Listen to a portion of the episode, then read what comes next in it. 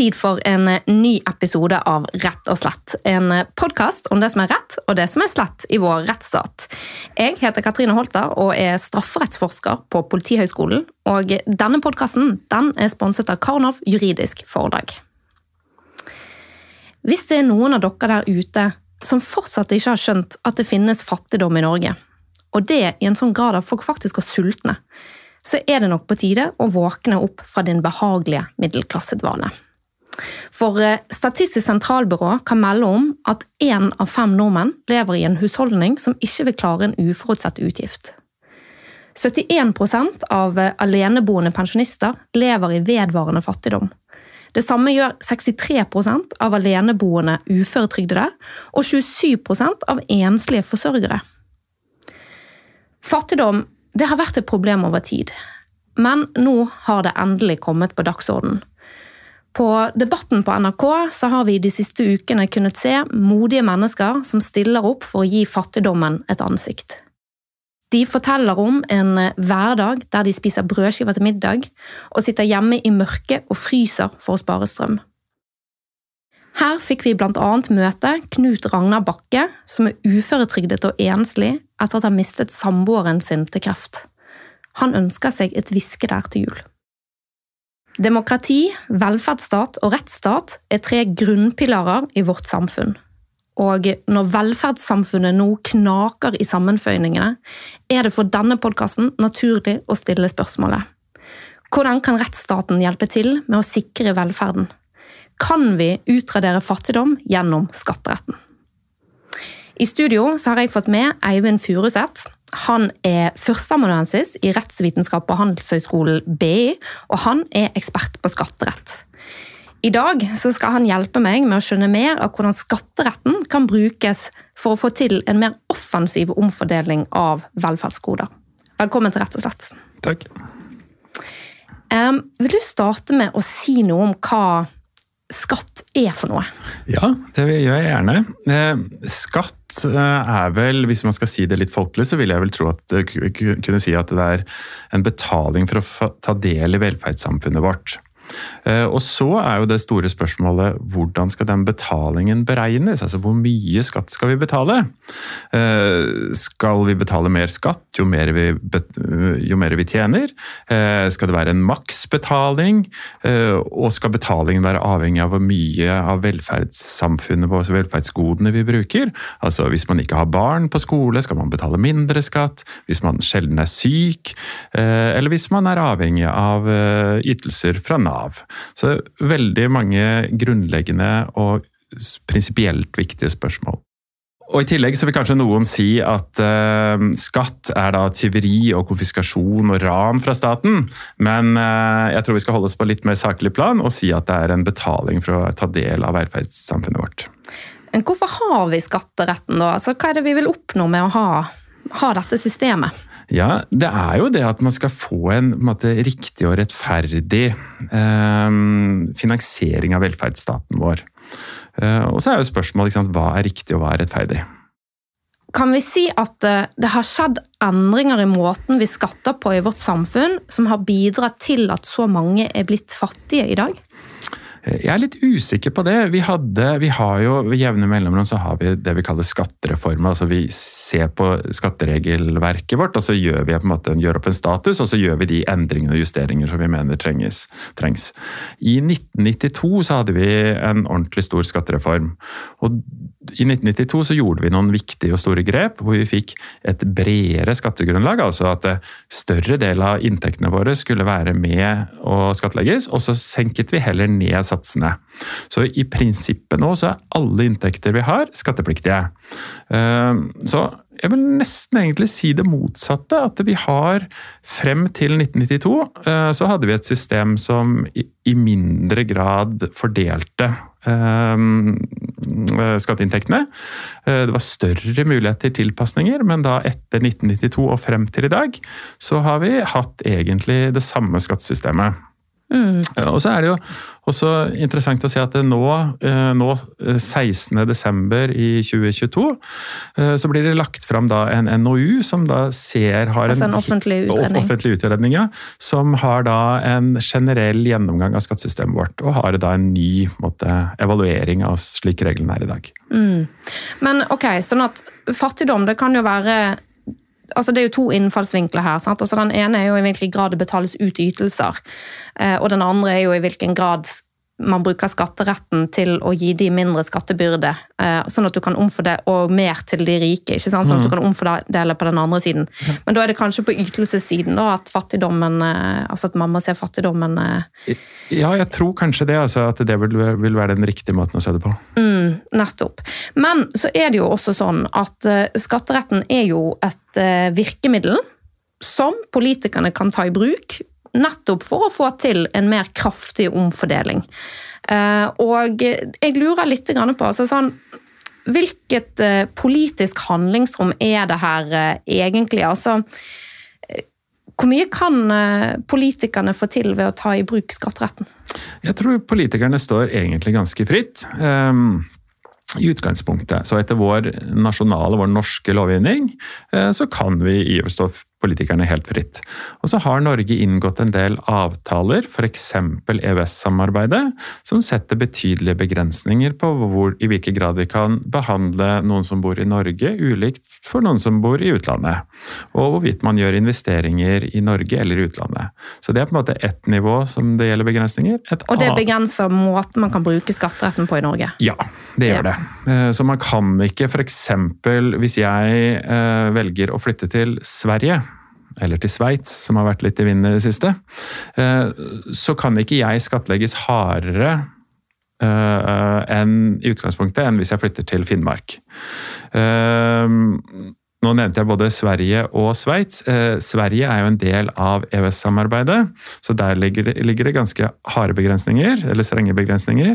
Mens hvis jeg flytter til Sveits, så er det litt annerledes, for det er jo utenfor EØS. Der, men der har vi da skatteavtaler, altså en avtale mellom Norge og Sveits, som også regulerer eh, i hvilken grad Norge kan skattlegge meg når jeg flytter til Sveits. Ja, og det du nå er inne på, er jo hva skal vi kalle det, rikingflykten, eh, som vi har kunnet lese om en del, en del i høst. Eh, fordi eh, jeg vil jo tro altså at det som også har skjedd, og som vi vel vi har ganske greit dokumentert, er at forskjellene i Norge øker. ikke sant? Sånn at De rike blir rikere, og de fattige blir fattigere. Ja.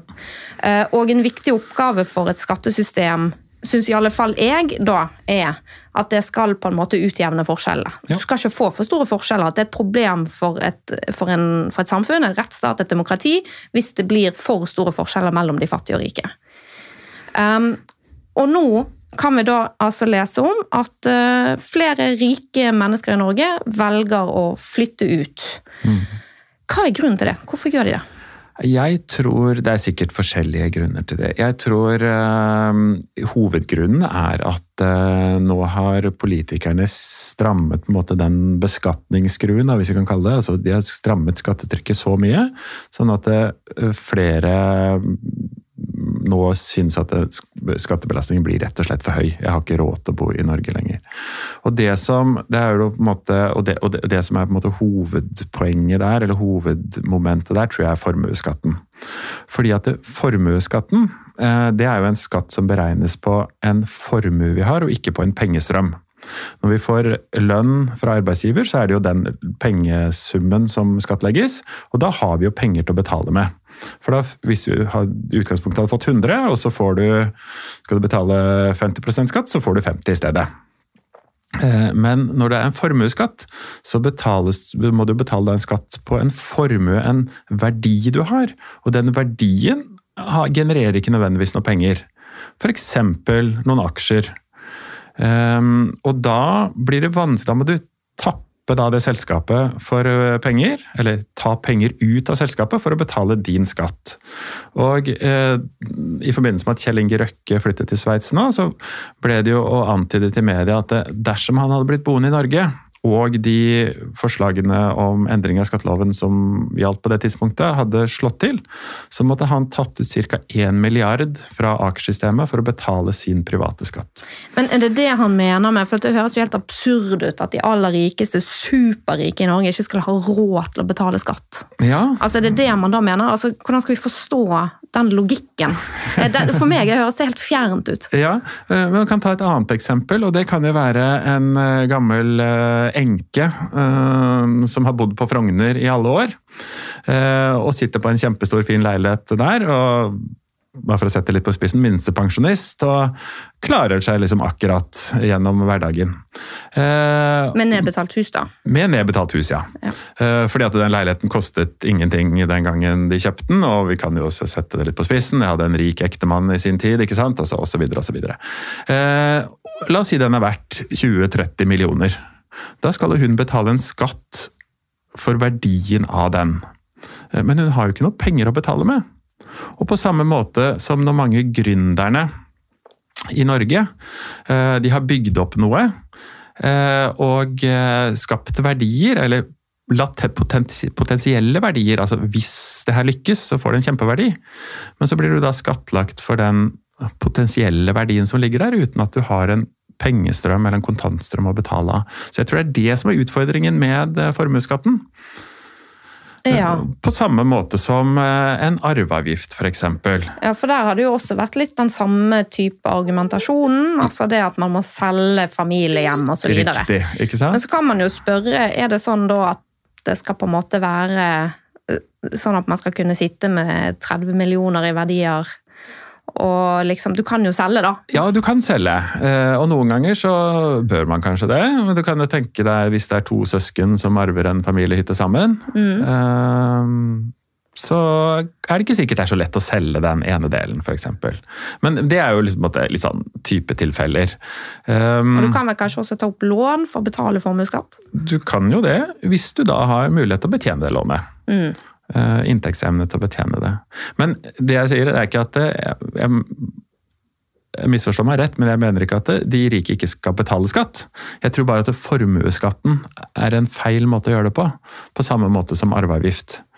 Eh, Fordi eh, staten Norge trenger en viss sum penger for å finansiere velferdsstaten vår, men jeg tror ikke formuesskatten er det rette måten å gjøre det på. Mm. Og hvis vi går litt tilbake til de måte, superrike da, som flytter ut. Det er klart, hvis da Kjell Inge Røkke når han flytter ut, og så skal han sette i gang nye prosjekter. eh, videreutvikle noe, eller andre gründere som eh, har måte, lyktes med én ting i Norge, og så du, har du en god idé som du skal sette i livet neste gang. Og Da tror jeg det er fare for at den måte, videreutviklingen i neste prosjektet, det skjer ikke i Norge. Det skjer i utlandet.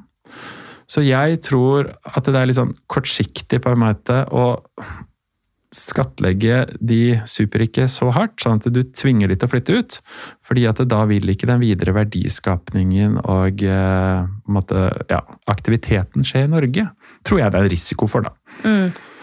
Men, eh, men du sier Altså, du er jo for at det skal betales skatt, og, og hvis man skal tenke Altså, hvis politikerne skal kunne omfordele mye mer enn det vi gjør i dag, altså vi skal se for oss en mye mer offensiv skattepolitikk, mye mer omfordelende, hva kan de gjøre da?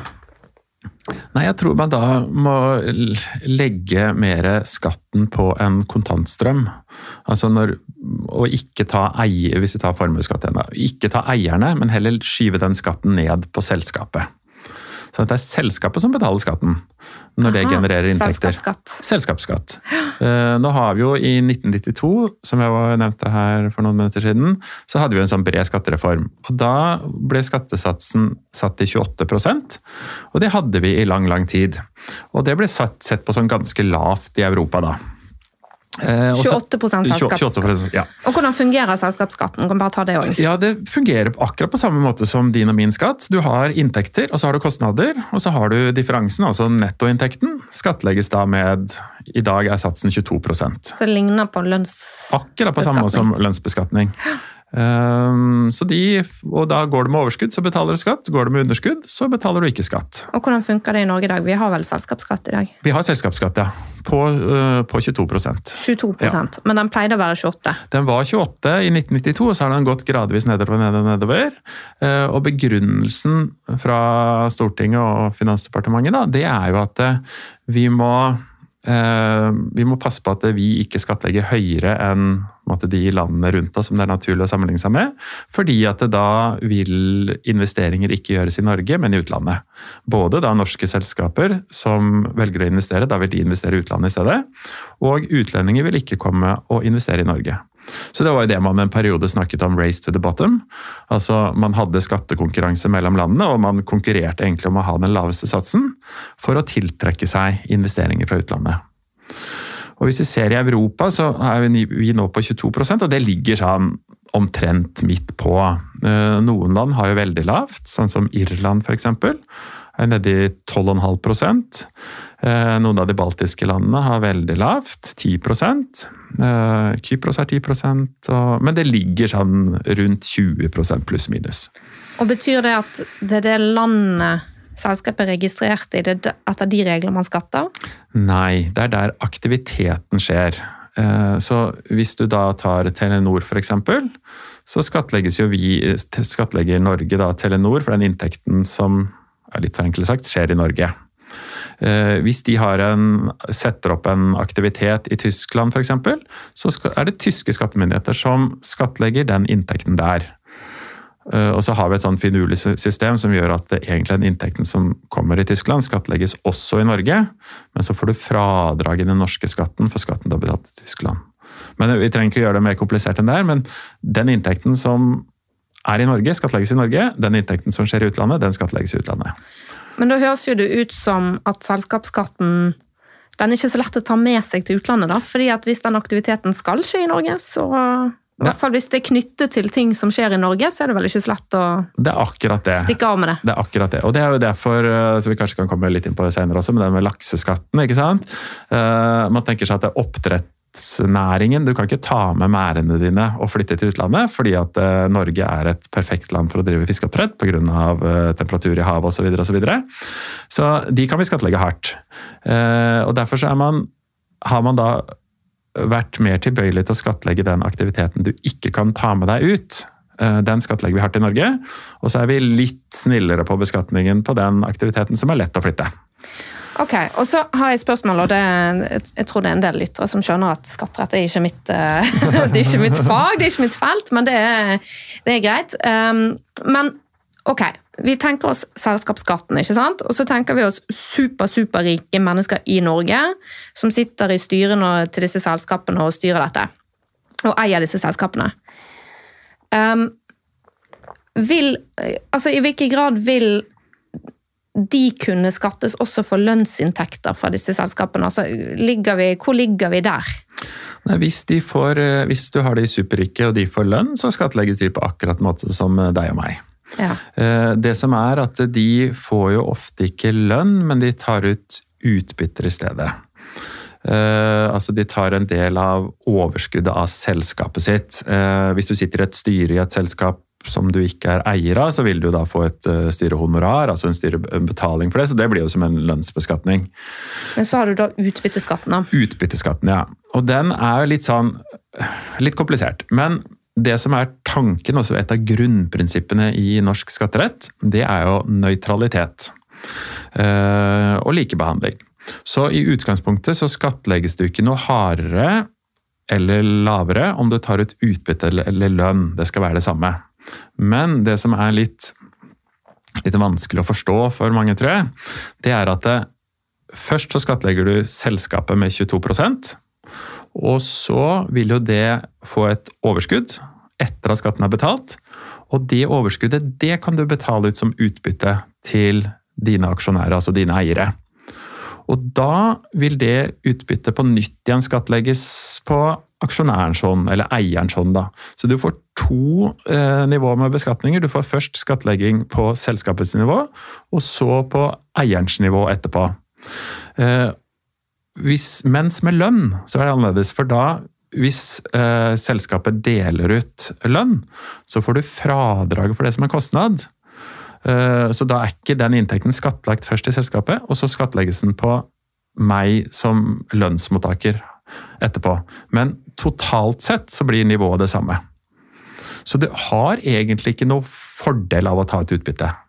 Nei. Men så er det et viktig men. Og det er at det i forbindelse med jeg har nevnt skattereformen i 92. Vi hadde også en skattereform i 2004-2006. Eh, da lagde Stortinget en overgangsordning, altså fra det gamle systemet over i det nye, som gjorde at eh, aksjonærene kunne tilpasse seg veldig. Så det de gjorde da, de tok ut store inntekter skattefritt, og så putta de det inn i selskapet igjen. Og så har de drivet og tatt ut den måtte, tilbakebetalt den kapitalen, da. Det blir det samme som hvis jeg får en lønn fra BI, så setter jeg den inn i banken. Når jeg tar de pengene fra banken ut igjen, så ikke, er ikke det noe skattepliktig inntekt for meg. Og på samme måte som istedenfor at jeg setter pengene inn i banken, så setter jeg det inn i et aksjeselskap. Og hvis jeg tar de pengene ut igjen, så må du skatte. Da må jeg ikke skatte. Nei. Fordi at det er jo det samme som jeg setter inn i bank eller i et selskap. Ja. Så det skal være likt, det skal være nøytralt. Det har, og, det, og det har jo skattesystemet lagt opp til. Men hvis jeg får en avkastning hva, Og hva er det? Det er utbytte. Ja. Eller renter i banken. ikke sant? Så får vi renter, det er skattepliktig. Fra et aksjeselskap så er avkastningen det er utbytte, og det er skattepliktig. Uh, men så hadde man noen sånne merkelige regler i 2004-2006 som gjorde at man kunne ta penger ut av selskapet og skyte det inn i selskapet. Og så kan man, man kunne tatt det skattefritt ut igjen. Og det man sier nå, at noe av grunnen til at så mange rike flytter nå, det er at nå har de ikke mulighet til å ta ut eh, penger fra selskapene lenger skattefritt. Eh, så du har på en måte formuesskatten, og så har du det at de også må begynne å betale utbytteskatt, da, som de egentlig nå i en 10-15-årsperiode kanskje ikke har gjort så mye. Ok, Kan du oppsummere her, veldig kort? Derfor dette var et langt resonnement. Ja, det, er kanskje noen som har falt av. Ja, Nei, eh, det, det, vi, det vi startet med, var jo Er det noen forskjell på lønnsbeskatning og utbyttebeskatning? Og det korte svaret på det er nei. Eh, det er den samme beskatningen. Det er bare at eh, når det gjelder utbytte, så skattlegges du både selskapet og eier, mens med lønn så er det bare lønnsmottakeren eller arbeidstakeren som skattlegges. Så det er kortversjonen. Og så har vi hatt noen sånne finurlige regler som har gjort at de superrike har klart å tatt ut verdier fra selskapet uten å betale skatt på det frem til nå. Så de har klart å komme seg rundt utbytteskatten, er det det som er saken? Ja. Aha, Gjennom skatteplanlegging og sånne ting? eller er? Gjennom regler som eh, Stortinget ga i, tilbake i 2004-2006. Som, som var smutthull, rett og slett. Smutthull som de var fullt ut klar over. Eh, så man kan jo stille spørsmål til hvorfor politikerne gjorde det den gangen. Ja. Og de reglene har man nå tettet igjen, da? Disse smutthullene, er det sånn? Ja de, har, ja, ja, de har det, for å si det litt enkelt. Ja. De, eller hva skal jeg si, det smutthullet er ikke der lenger. Og derfor flytter de ut? Det er nok en av grunnene. Ja. Men det er jo ikke en veldig Altså eh, Sympatisk eh, å flytte ut fordi de må nødt til å betale det samme som lønnsmottakere må gjøre. Nei, det kan du si, men Da er det jo man får en sånn følelse av at ikke de har lyst til å bidra inn i samfunnet. Ja, eh, men jeg tror, det, jeg, jeg tror veldig mange har lyst til å bidra, men jeg tror de føler at det bidraget de må betale, er litt for høyt.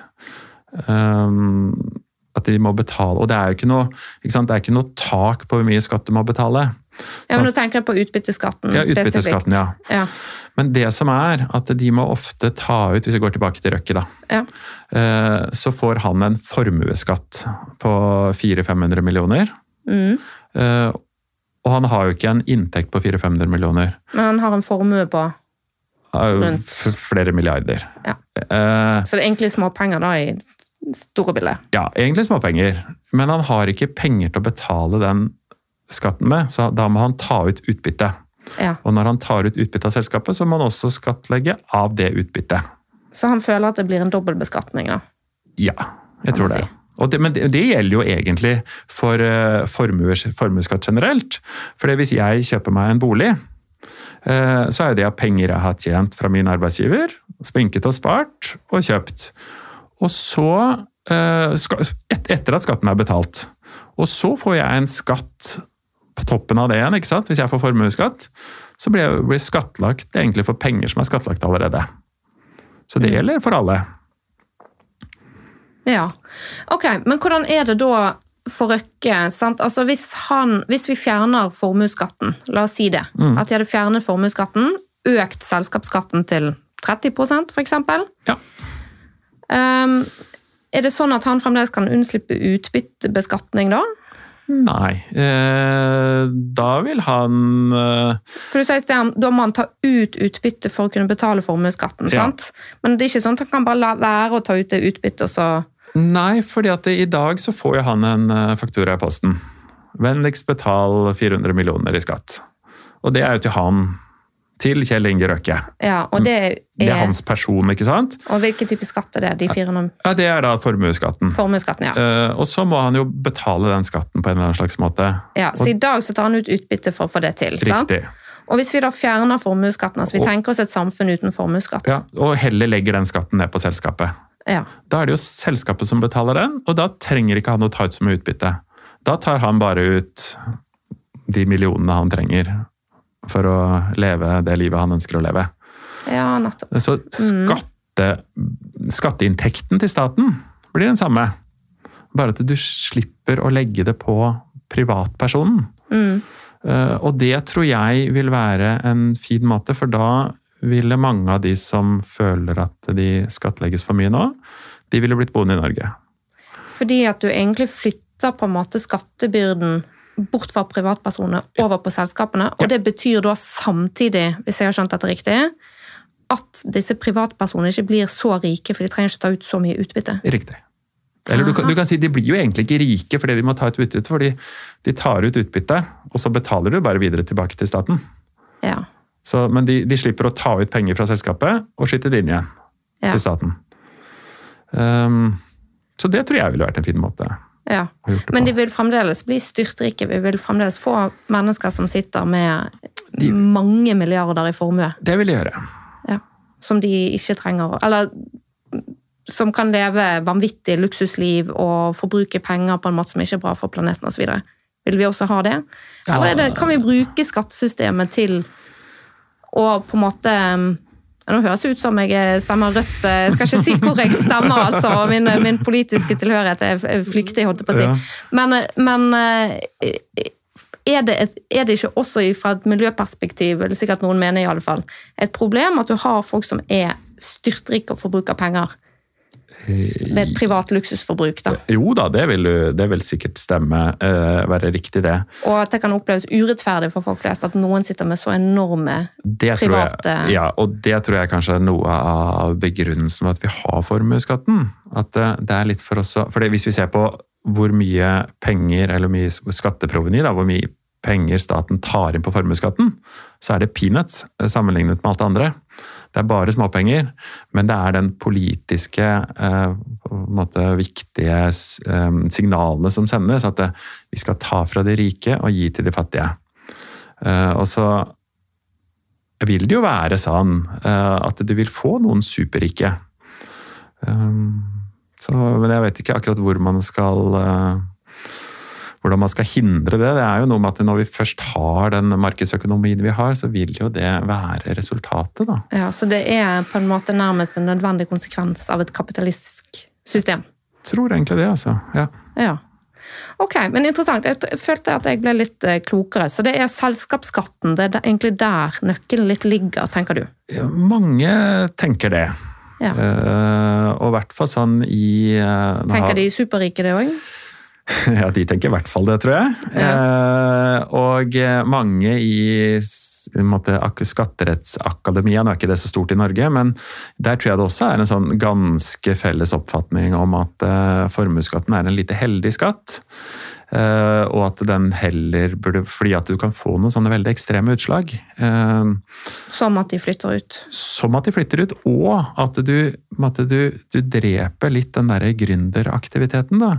Det jeg husker det var i oppslag i media for eh, flere år siden. Det var noen som person, firma, som hadde skapt noen sånne automatisering av sånne lagersystemer. Og hadde på en måte en kjempegod idé og hadde på en måte, veldig sånn potensiell god eh, inntektspotensialet, men det hadde ikke materialisert seg ennå. Det, var ikke- det var ikke salgbart, det var ikke Du kunne på en måte ikke tjene penger på det ennå, og ennå så måtte de betale mye skatt, eh, formuesskatt. Og det har jo litt det samme som hvis vi tenker oss at du skal utvikle en eh, kreftmedisin, eller en medisin. Eh, Sånne tar kjempelang tid. Det tar 10-20 år, nei kanskje ikke 20 år, men det er i hvert fall 10 år pluss for å, fra du liksom kommer på ideen til du har et eh, Og du skal gjennom mange stadier og teststadier osv. Og, og eh, det kan jo ha en potensielt liksom, Like før du har, har det på plass, så har det en kjempestor verdi, og du vil få en stor formuesskatt hva skal du gjøre da? Du skal selge deg ut, eller ja, Det er liksom, det er vanskelig. Det er, det er den derre kapitalbehovet, da. Penge, du trenger penger for å betale skatt. Uh, og hvis du heller legger det på selskapene, så tror jeg det blir bedre. Mm. Ok, men uh, hvordan eh, vil dette hjelpe de fattigste i Norge? Nei, det vil jo Det er jo Vi har Det kan jo godt hende at skattetrykket skulle vært enda høyere. At vi skal fordele mer fra de rike til eh, de fattige. For ikke det er litt sånn i dag at uh, selv om du får uføretrygd for staten, så, så må du skatte av uføretrygden? Uh, jo, det er vel det. Hvor, hvorfor gjør man det?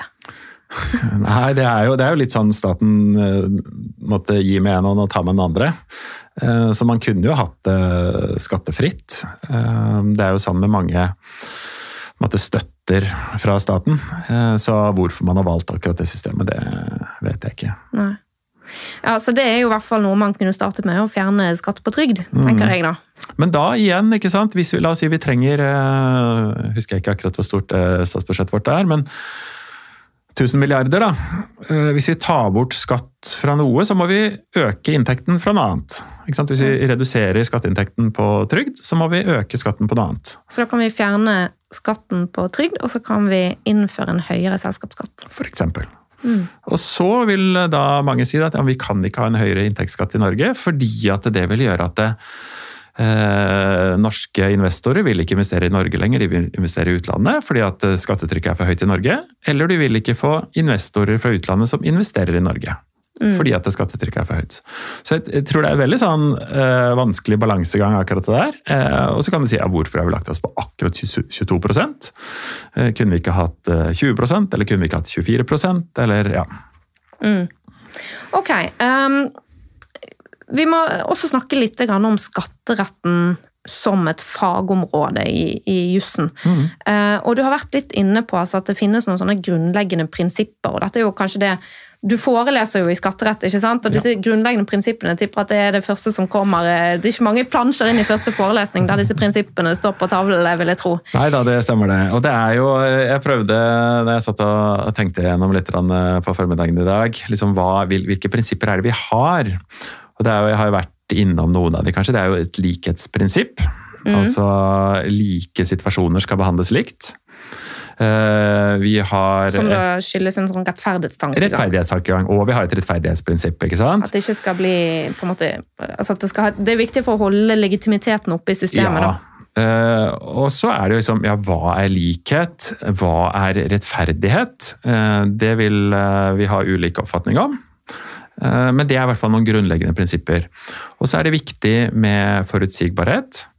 Altså at de som, både jeg som privatperson, men også de som driver virksomhet, at hvis de skal investere i en stor, tung batterifabrikk f.eks., eh, så må de vite sånn cirka hvordan beskatningen er de neste fem-ti årene. Og Tidligere så jobbet jeg som eh, skatteadvokat i KPMG. Og da husker jeg, når vi snakket med utlendinger, så var det ofte at de eh, hadde da det, måtte, Ankepunktet mot Norge var at det var så lite forutsigbart. Eh, Det var så vanskelig å vite hvordan beskatningen var i Norge. Og da tenkte jeg at det, Men er det riktig, det? Eh, Men det går kanskje noe med kunnskap igjen. da, ikke sant? Vi kjenner litt sånn politiske situasjon osv. Men det er i hvert fall noe som er viktig, det med forutsigbarhet.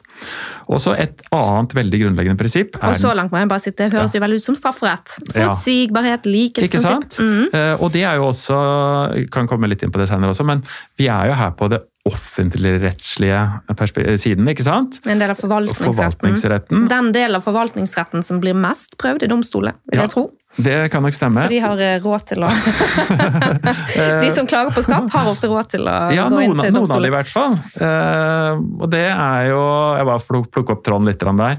Det er jo et litt, eh, en, en utfordring, syns jeg, fordi at det har blitt så dyrt å kjøre saker for domstolene. Det har blitt altfor dyrt. Så hvis du har da, for meg, en skattetvist, skattesak, som kanskje omhandler 100 000 kroner, så er det ikke verdt å ta til domstolene. Nei. For det er altfor dyrt å kjøre en sak for domstolene. Ja. 100 000 kroner per dag i retten regner man gjerne. Ja, og det var det, det, var- det var det jeg lærte her når jeg gikk på studiet for uh, 20 år siden. Ja, det verre. Eh, ja, ikke sant? Og for, for jeg, det var litt artig du nevner det, for jeg snakket med en advokat her eh, for eh, et par uker siden. Så sa jeg det at ja, men jeg lærte liksom 100 000. Ja, han sa du kan i hvert fall doble det eller tredoble det nå. Ja. Så, og det, men vi vi er da på den offentligrettslige siden, eller forvaltningsretten. Og et viktig prinsipp der er jo at det må ha hjemmel i lov. Så du, du kan ikke skattlegge en eh, borger, altså du kan ikke skattlegge meg som eh, privatperson i Norge, eller et selskap, uten at det står tydelig i loven. Mm. Vi skal unngå vilkårlighet. Ja, ikke sant? Litt sånne ting. Eh, Fordi det dreier seg om inngrep fra Ja. staten i borgernes liv. Helt riktig. Eh, og da er vi jo litt tilbake til det der eh, litt fjåsete jeg sa på starten i dag, at ja, hva er skatt? Det er tyveri eller ran eller konfiskasjon, ikke sant? Eh, fordi at skatt er jo egentlig at du har tjent 100, og så tar staten en del av det. Mm. og for at de skal kunne ta de 30 eller 50 eller hva det er, så må det være uttrykkelig lovhjemmel. Demokratiet må liksom stå bak, ellers så blir det tyveri og ran. Riktig, ja. Ja. Eh, jo, også et, et, et siste prinsipp, det er nøytralitet. Um, og det er nok veldig viktig eh, for særlig når vi er inne på selskapsbeskatningen, altså beskatningen av næringslivet. For det er jo sånn at hvis du velger å organisere deg som et aksjeselskap eller som et ansvarlig selskap, så skal beskatningen i utgangspunktet være likt. Hva, er, hva mener du med nøytralitet? Likebehandling, igjen. Eh, litt det samme som vi snakket om i stad, det med hvis jeg tar ut et utbytte eller tar ut eh, lønn, så skal det være nøytralt. Det skal ikke, skal, jeg skal ikke, skatte, jeg skal ikke komme noe gunstigere ut om jeg tar ut lønn eller utbytte fra aksjeselskapet mitt. Er det litt for at systemet på en måte skal ikke liksom legge til rette for eh, skatteplanlegging, og at man skal eh, spekulere i det, på en måte? Ja, litt det, men jeg tror også det at skatteretten skal ikke legge føringer og hindringer på hvordan bedrifter ønsker å organisere seg. Eh, Så hvis man ut fra et eh, bedriftsøkonomisk perspektiv, samfunnsøkonomisk perspektiv, mener at det er en fordel å ha to selskaper eh, istedenfor ett sammen, så skal det være nøytralt skatterettslig. Så om du har ett selskap eller ti selskaper, skal ikke ha noe å si for totalbelastningen når det kommer til skatt. Eller om du velger å organisere deg som et aksjeselskap øh, eller som et ansvarlig selskap. Mm. Så det, det er et, også et viktig prinsipp i skatteretten. Da. helt kort også forklare forskjell på aksjeselskap og ansvarlig selskap? Ja, aksjeselskap, da har vi jo da, Det er det vi kaller AS. Um, og det er jo da et uh, selskap som er uh, Eller en organisasjon. Og nå er vi inne i selskapsretten, Selskapsretten, ja. som er en egen- egen del av jussen. Eh, hvor du da har Hvor eierne at er, Selskapet er et eget rettssubjekt og et skattesubjekt. Som betyr at det er selskapet som sådan som betaler skatten. En juridisk person. Juridisk person. Hvis vi tar de ansvarlige selskapene, så Det er det, ja. blant annet Eller et ANS. ja. Det er forskjellig, ja. Um, og der er det også Det er et eget uh, rettssubjekt. Altså det kan inngå kontrakter, det kan bli saksøks osv. Men det er ikke et eget skattesubjekt. Så skatten i et ansvarlig selskap, den er det eieren som betaler. Mens i AS-et så er det aksjeselskapet som betaler skatten. Aha. Så det her er ganske viktig når man velger hvordan man skal organisere seg når man starter opp en bedrift. da. Ja, veldig viktig. Og eh, kanskje det aller viktigste er jo hvis du går eh, konkurs, eller det går dårlig. Hvis du har et aksjeselskap, så er det bare aksjeselskapet som forsvinner. Da er det, du er bare, jeg som eier er bare ansvarlig for aksj, det jeg er skutt inn i selskapet i form av aksjekapital. Mens hvis jeg går, velger å organisere meg med et ansvarlig selskap, så er jeg ansvarlig for, litt forenklet sagt, hele selskapets forpliktelser. Ja, nettopp.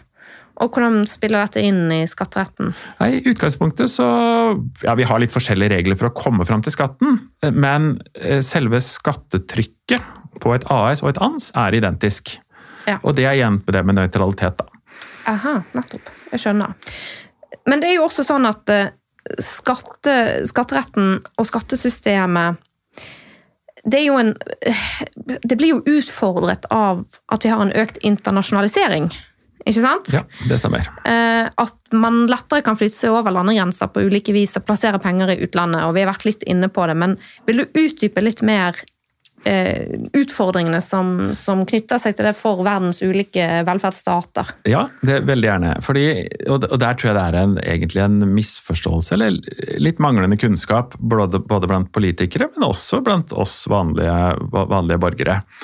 Eh, fordi at eh, et viktig liksom, utgangspunkt er at eh, vi har, hvert land har sitt skattesystem.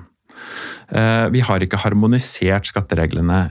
Um, og det betyr at eh, Heller ikke i EU. Heller ikke EU. EU har prøvd, men de har ikke klart. Ja. Um, og det betyr at vi har ulike regler i Norge og i Tyskland. Ja. Norge og Sverige osv. Og, så og med forskjellige skattesatser og litt forskjellig klassifisering eller definisjon av forskjellige ting. Som betyr at eh, hvis man da har transaksjoner, altså betalinger og kjøp, kjøp av varer og tjenester over landegrensene, eller man flytter penger, eh, så kan man da benytte seg av og utnytte de forskjellene som er der. Og det er vel det man da ofte betegner som skatteplanlegging. Og så kan man stille spørsmål ja, hva er skatteplanlegging? Eh, Og da tror jeg det er viktig å skille mellom den ulovlige skatteplanleggingen og den lovlige skatteplanleggingen. Mm. Den ulovlige skatteplanlegging, den er jo Hvis du bedriver det, så havner du i fengsel. Eh, Og det er typisk å gi feil opplysninger til skattemyndighetene osv. Du sier at du har tjent eh, 1000, mens du i realiteten har tjent en million, f.eks. Da havner du i fengsel. Den lovlige delen den er ikke mer mystisk enn at eh, hvis vi tenker på deg og meg eh, Hvis vi har, eier en bolig eller en leilighet i Norge, så er jo reglene sånn at hvis du har eid den mer enn tolv måneder og selger den, så er det skattefritt. Har du eid den under tolv måneder, så er det skattepliktig. Så hvis jeg har kjøpt en leilighet og tenker at nei, vet du hva, her hadde jeg ikke lyst til å bo allikevel, så jeg skal selge den. Men så har markedet gått opp, så jeg har en mulig gevinst på den leiligheten. Hvis jeg da velger å sitte på den, eie den i tolv måneder, og så selger den, så er det skattefritt. Men hvis jeg ser at oi, her kjøpte jeg jo på topp, og jeg har ikke lyst til å bo her, eh, så her kommer jeg til å få et tap, da selger jeg den før det har gått tolv måneder, og så får man fradrag i skatten for det tapet. Det er skatteplanlegging. Eh, her hvor skattet, eh, lovgiver har oppstilt klare grenser, sånn klare tidsperioder osv.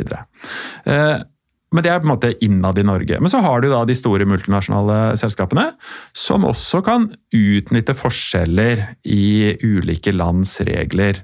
Og det kan være på mange måter. Du kan eh, ha ja, Det kan være salg av varer og tjenester. Du kan flytte det man kaller sånn immaterielle eiendeler, patenter osv. Som gjør at man da kan eh, måtte flytte inntektene, prøve å rute inntektene til de landene hvor det er lavest skatt. da og bruke de landene som hva skal jeg si, sparebøsser. Eh, og så investerer man fra de selskapene igjen. Men eh, fordi du nevnte at selskapsskatten, den er jo sånn at da må på en måte verdiskapningen skje i Norge. Men hvis vi tar f.eks. Facebook, da, som Ja. er over hele verden. Ja, Facebook er jo Burde ikke de skatte i hvert land der de er? Jo, de burde jo det, eh, kan du si. Eh, Men det gjør de ikke i dag. Eh, Fordi at eh, Norge og alle land i verden har valgt å inngå avtaler. Vi har inngått en, eh, Facebook har en viktig etablering på Irland. Der er det 12,5% skatt, i Norge er det 22% skatt. Så klart For Irland så er det fordel å få, eller for Facebook er det viktig å få så mye inntekter som mulig til Irland. Lavere skatt. Og så har da Norge og Irland inngått en avtale seg imellom, altså Finansdepartementet i Norge har inngått en avtale med Finansdepartementet i eh, Irland om hvordan bedrifter skal, hvor de skal skattlegges. Og i den avtalen, eh, hvis vi leser den, så innebærer den at eh, Facebook ikke blir skattepliktig til Norge. Eh, men så er jo det her blitt et økende problem med den digitaliserte måte, verden vi lever i. Sånn at OECD og Norge som en viktig bidragsyter der, sitter da med å jobbe med et nytt regelverk for å egentlig sikre at Facebook blir skattepliktig i Norge. Mm, så det kan komme? Det kan komme, absolutt. Ja. Ok, og så, siden vi, vi, må se litt på tiden her, men eh, vi må innom lakseskatten. Og, for dette er jo i dag masse bråk rundt den.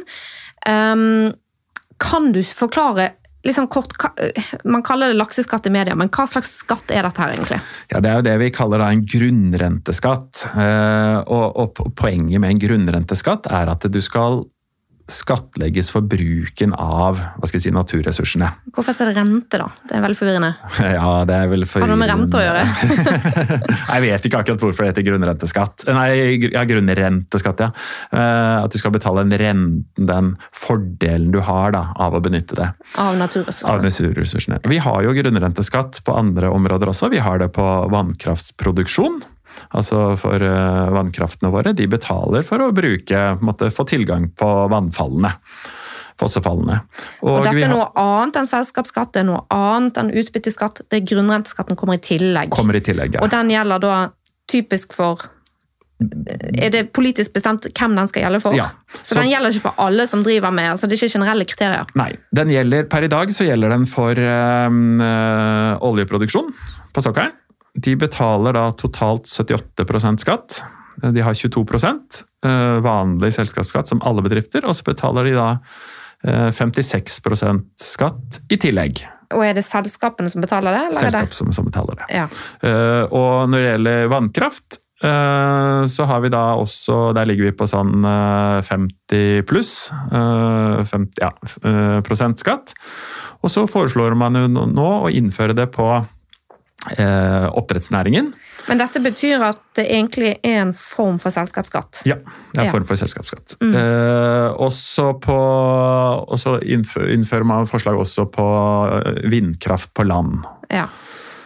Uh, og så har det jo vært mye oppstyr i, i, i, media med permitteringsvarsler og permitteringer nå antageligvis fra nyttår. Ja, for er det sånn at politikerne altså for jeg tror jeg tror politikerne i hvert fall på Østlandet har veldig stor folkelig støtte for denne skatten. altså At folk syns det høres veldig fornuftig ut at du skal betale skatt for å utnytte ressursene og du tjener deg superrik på det.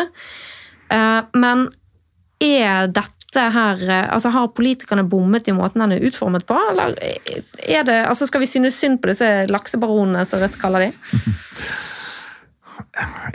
Jeg tror politikerne har gått litt fort fram.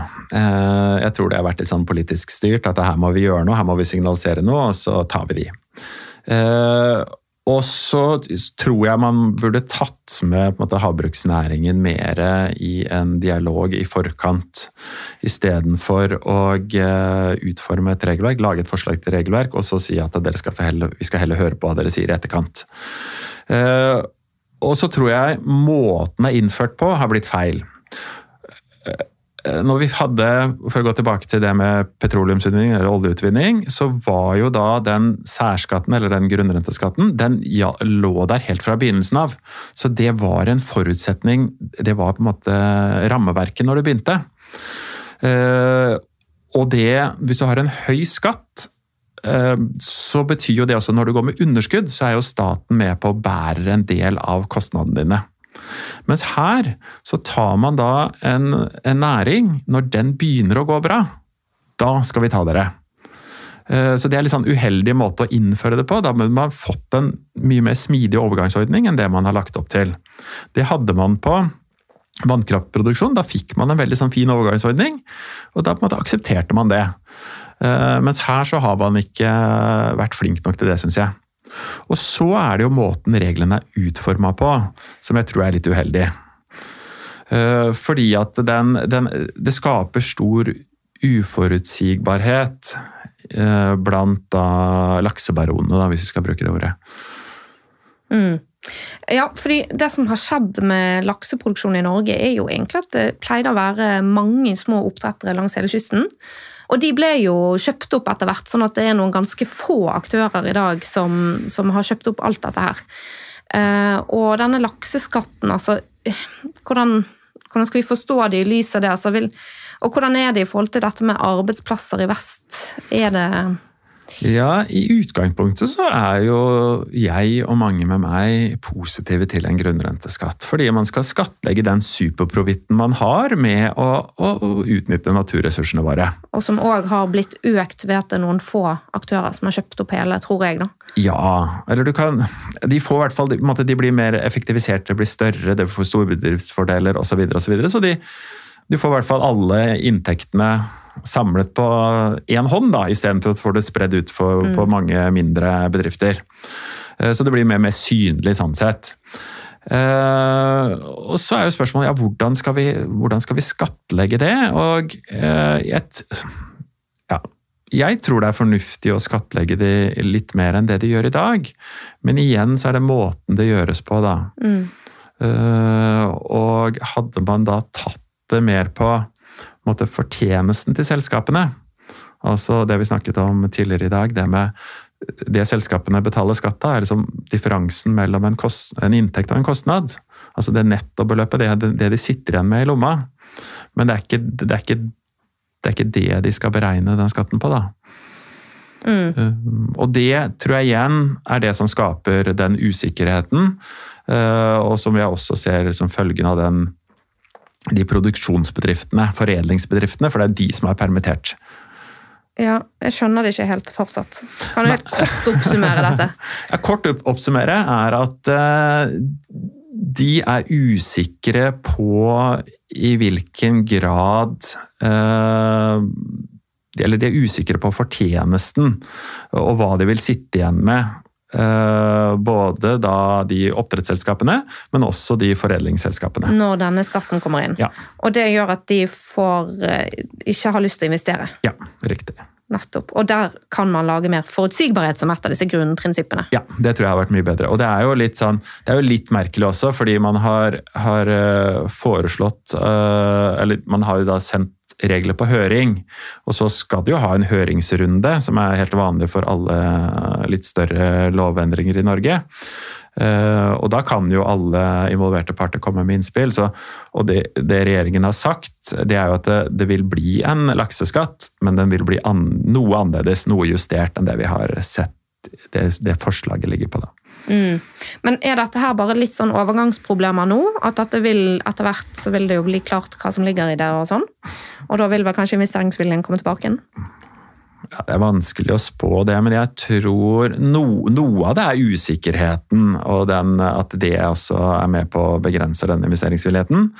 Men jeg tror også, sånn forslaget er i dag, hvordan du skal beregne skatten, at du ikke skal beregne den på en nettoinntekt, men på en, på eh, en måte, beregnet pris. At det også er med på å For den usikkerheten, hva du selger for, eh, det kan variere uavhengig av hvilke skatt du må betale.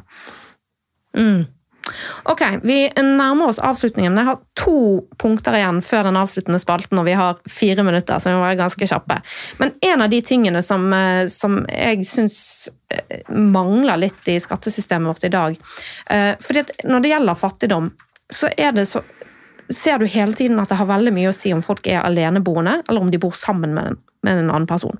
Hvis man er to personer som bor sammen, så har man eh, dobbelt så mye inntekter og halvparten av de faste utgiftene. Ofte.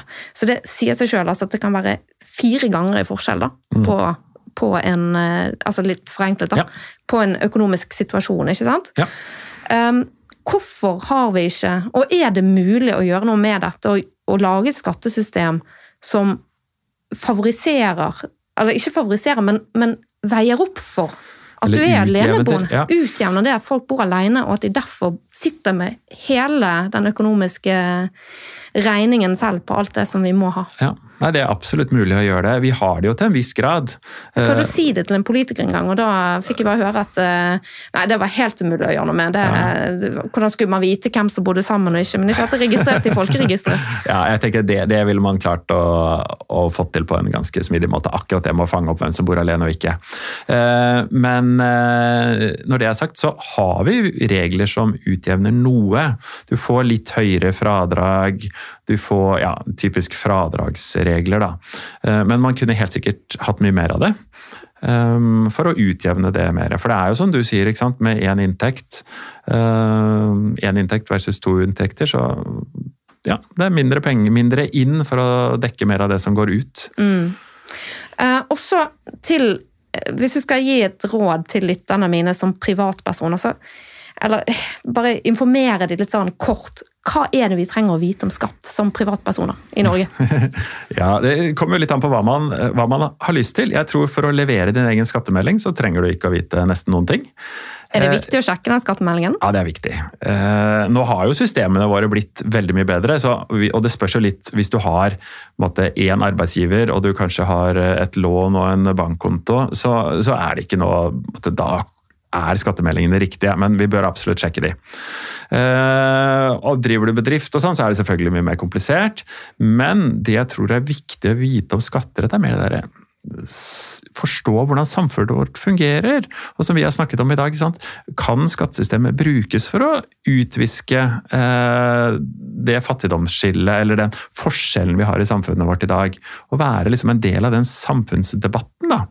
Så, sånn sett tror jeg det er viktig å kunne litt om skatterett. Ja. Og det har vi forsøkt å bidra med med denne episoden. Jeg ja. tror det at eh, det er så komplisert for folk, dette her. Eh, hvis ikke man er interessert i penger og den slags fra før av.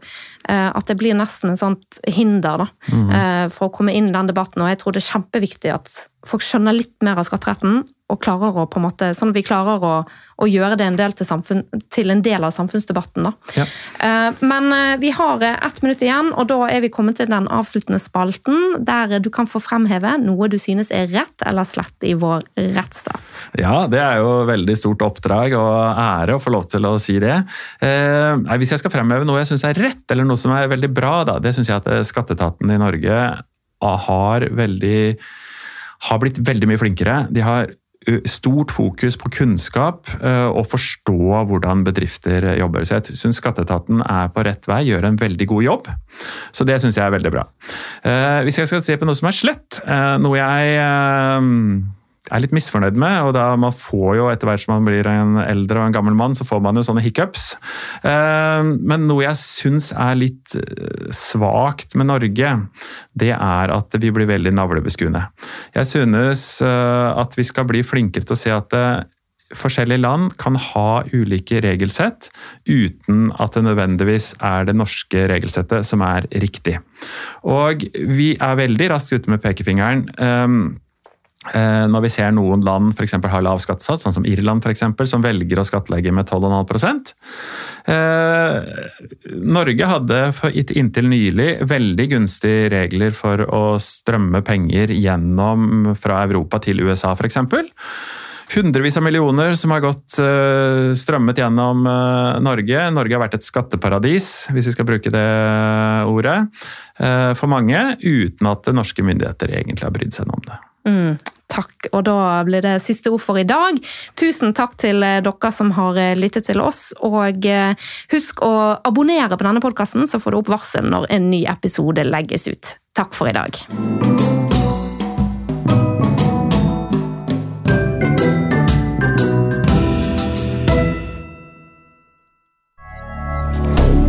Moderne media.